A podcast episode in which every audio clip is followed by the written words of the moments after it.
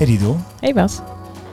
daar zijn we met de podcast Kwartiertje Over. Een kwartier over het werk, het leven en het werkende leven. En vandaag gaan we het hebben over... Accepteren. We kregen dit door eh, van een trouwe luisteraar, dank. En eh, challenge accepted. Ja, Dat is het eerste. eh, iets accepteren is voor, voor mij wel vaak iets, iets, iets aannemen. Dus eh, een cadeau accepteren, een uitdaging accepteren. ja. En voor jou? Een heleboel dingen accepteer ik zonder dat ik er bewust bij nadenk. En als, ik het er, als we het er nu zo over hebben, denk ik, ja, als ik echt iets accepteer, dan, dan zit daar ook iets in wat, waar ik heel bewust dan van zeg, ja, ik ga dit doen of dit moet ik doen. Of hoeft ook niet per se leuk te zijn. Het mag ook iets zijn wat je minder leuk vindt, maar in, in ieder geval accepteer ik het dan. En heb je een voorbeeld waar dat, dat gebeurde? Mm. Niet direct. Ga ik even over nadenken. Ik denk, ehm, nee, ik weet het niet direct. Jij? Nou, voor mij is zeg maar iets accepteren. Ik, eh, heeft iets heel positiefs en iets negatiefs. Het, eh, en misschien is het wel bij, niet, niet van beide, is het niet goed of fout. Maar het heeft iets positiefs van hulp accepteren of dus een cadeau accepteren. Dus dat je iets krijgt. Maar dat kan dus iets zijn wat, je, wat, je, wat ik wel wil. Maar het kan ook iets zijn wat ik niet wil. En dan heb ik het te accepteren. Mm. Dus ja, als ik nat regen of zo, dan, en dan kan ik tegen vechten. Dat zal ik ook zeker doen.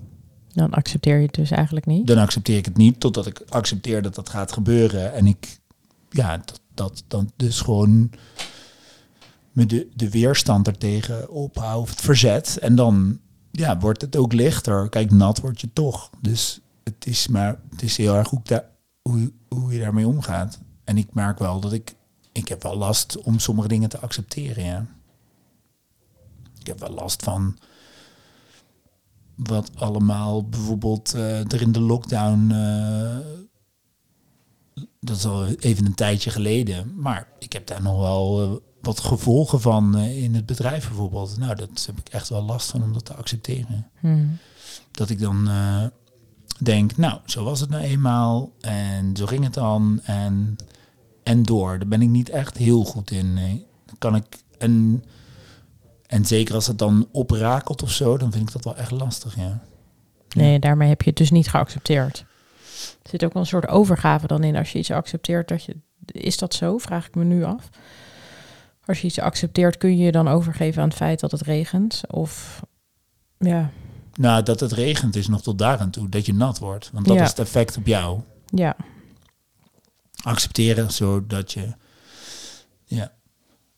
Nou, kijk, en in accepteren zit ook... ehm, eh, al- als je het accepteert, gaat vaak de ruimte weer open voor de creativiteit. Hè? Dus, eh, dus ehm, het is heel bekend, eh, het bureau omdenken. Mm. En, en daar, en of de, de methode van de cirkel van acht. Dat zijn, dat zijn dingen waarbij je dus accepteert wat er echt is. En daardoor kun je je eigen kracht weer gaan zoeken en gaan inzetten om eigenlijk om te gaan met het gevolg wat het oplevert. Mm. Terwijl als je je verzet tegen iets wat tegen zit, ja, dan heb je ook helemaal geen creativiteit om ermee om te gaan. Dus als je iets accepteert, dan ontstaat er ruimte vaak. Ja, in ieder geval alle tijd die je aan het verzet bezig bent, die hoef je niet meer te doen. En energie. Ja. Ik had vroeger van mijn, als ik eh, van mijn studentenvereniging naar huis liep, dat was een vrij kort stukje, en ik ging altijd zonder jas, omdat dat, ik kon me wel eens kwijtraken, zeg maar. Ehm, maar in de winter was het dan best wel koud. En ik wist gewoon dat het een heel kort stukje was. Dus ik dacht altijd, als ik nou gewoon accepteer dat ik het koud krijg, dan hoef ik niet zo helemaal samen opgekruld te dingen of te gaan rillen of maar er heel erg mee bezig te zijn. God, wat is het toch koud de hele tijd? Maar Kijk, ik denk dat dat ook een fysieke reactie is, omdat je lijf denkt, ik mag niet te veel afkoelen, want dan heb ik een probleem. Ja, mijn hoofd wist dat het heel dichtbij was. Een erg soort accep- accepteren dat ik het dan dus even koud heb, maar daar niet mee bezig zijn. Dus niet proberen het warm te krijgen, Mhm. maar gewoon te denken, nou, nu heb ik het even wat kouder. Ja, dat geeft heel veel ruimte. daarmee, het, het is er niet, niet meer, maar het is in ieder geval inderdaad een stuk milder. Het is ook volgens mij, als je dit zo vertelt, een, soort, een, een mindset. Alleen met mindset alleen kom je er volgens mij ook niet, want je moet het wel echt accepteren. Er zit in, in iets accepteren wel volgens mij een bepaalde gelaagdheid. Want als ik tegen mezelf zeg, ja, ik wil dit accepteren, ja, dat is leuk in mindset, maar puntje bij paaltje, als ik echt nat ben, dan dan moet je hem echt helemaal accepteren. Mhm. Want als je dat niet doet, dan heb je er alsnog niet zo heel veel aan, denk ik. Nee, precies. Nee, dus je accepteert niet, niet dat je alleen, niet alleen het feit dat je nat ligt. Je accepteert ook dat je dus de hele dag natte kleren hebt. Je accepteert ook dat dat heel on- oncomfortabel is. Je accepteert dat dat er niet uitziet. Je accepteert Mhm. alles wat erbij hoort. Ja. Ja. nou, dat vind ik niet makkelijk. Nee. Grappig. Accepteren. Ik merk dat ik ook meer moeite heb met accepteren als ik het had proberen te voorkomen. Dat heb ik bijvoorbeeld met Hmm. Het zijn natuurlijk prachtige apps die ons voor alles kunnen behoeden. Denk aan de file, meldingen, eh, waar staan de flitsers, ga ze maar door. En die hebben bij mij eigenlijk het effect dat ik daar heel erg eh, bedreven in ben om dat allemaal aan te zetten, uit te zoeken. En als ik dan alsnog in de file terechtkom, dan heb ik echt heel veel moeite om dat te accepteren. Terwijl als ik het niet uitzoek van tevoren, Dan is het gewoon zo. dan accepteer ik het veel makkelijker. Dus misschien, ik bedoel, ik ben hier zelf denk ik echt geen held in. Maar ik denk dat de technologie me eigenlijk dus ook niet helpt in het accepteren. Omdat ik steeds meer het gevoel van een soort schijncontrole krijg. Of een een schijn. maakbaarheid inderdaad, die er eigenlijk helemaal niet is. Want ik kan nooit meer in de file komen, want ik heb al deze geweldige apps. Maar dat is natuurlijk niet waar.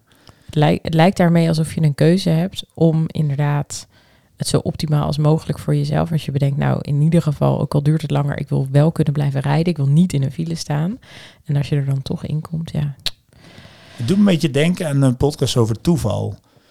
Dus eh, dat, dat, dat, volgens mij hadden we het toen ook over of alles is voorbestemd of, Mm. of niet.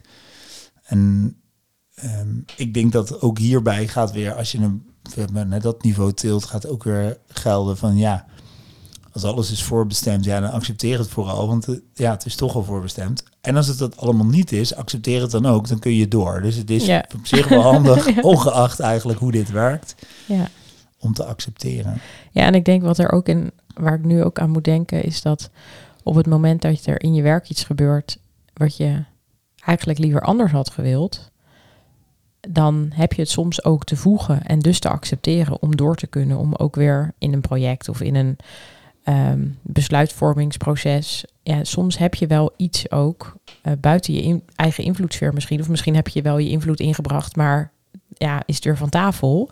Dan kan het zo zijn dat je wel uiteindelijk je weer moet voegen en moet, dus moet accepteren. Daar zit ook dan een bepaald verlies in, want er is iets niet gebeurd wat jij wel had gewild.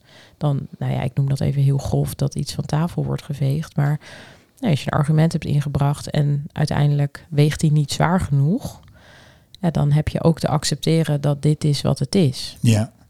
Volgens mij zit daar ook wel, ehm, ja, dat is misschien de wat meer negatieve kant van accepteren. Want je moet wel door. Ja, en met het gevaar dat het een soort willoos wordt of een soort, eh, ehm, ja, moet ik het zeggen, dat wat ik, wat ik, de connotatie die ik wel eens heb met accepteren is dat ik dan voel dat ik veel te, eh, hoe heet dat woord nou, eh, onverschillig word. Hmm. Zo van, oké, dit accepteer ik ook maar weer, dit accepteer ik ook maar weer. Terwijl er is natuurlijk een heel groot verschil, weet ik, in, in rust en, en met, met bewustzijn. Maar in het moment kan ik echt voelen, ja, maar ik kan dit niet accepteren. Ik wil niet. Nee, maar dat is dus volgens mij dan ook zeggen. Dat, nou ja, ik accepteer het wel, maar dan accepteer je het niet helemaal. Nee, oké, maar dat zal ik niet, dat zal mij niet nee.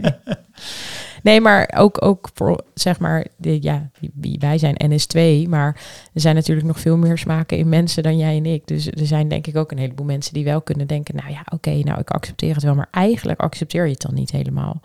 En dan kun je dan wel door. Is er dan wel die ruimte? Komt er dan wel weer... ehm, Nee, toch? Nee. Ik, Oh, zo, nee. nee. ja. Ik denk van niet. Nee. Maar er zit dus een bepaald verlies in. En daar ook erkenning voor hebben gaat wel helpen, denk ik, op zo'n moment. Ik zie dat, er, dat jij het er niet mee eens bent of dat jouw argument niet mee is. En, en, en accepteer je dat en kunnen we door. Dus heel expliciet maken eigenlijk van wat je dan ook, ook verliest. Eigenlijk hij heeft iedere keus die je maakt, heeft, heeft denk ik een gevolg. En Ja. kan je dat accepteren. Dus als je bijvoorbeeld kiest om ergens in dienst te gaan, kan je dan accepteren dat je niet eh, eh, de baas bent, om maar eens even in die term te spreken. En dat zeg ik ook wel in, bij teams of zo, die boos zijn dat hun manager niet precies doet wat ze willen. Mhm. Dan zeg ik vaak, ja, maar dan moet je zorgen dat je zelf de manager wordt. Of dan moet je zorgen dat je zelf een bedrijf begint. Wat het wel doet zoals jij het wil. Die vrijheid heb je. Maar kies je ervoor om ergens in dienst te gaan. eh, dan kies je er dus ook voor om eh, te accepteren dat je niet over alles gaat. Ja. En dat is op, op, op momenten best lastig. Want dan gaat het niet zoals jij het zou doen of zoals jij het zou willen.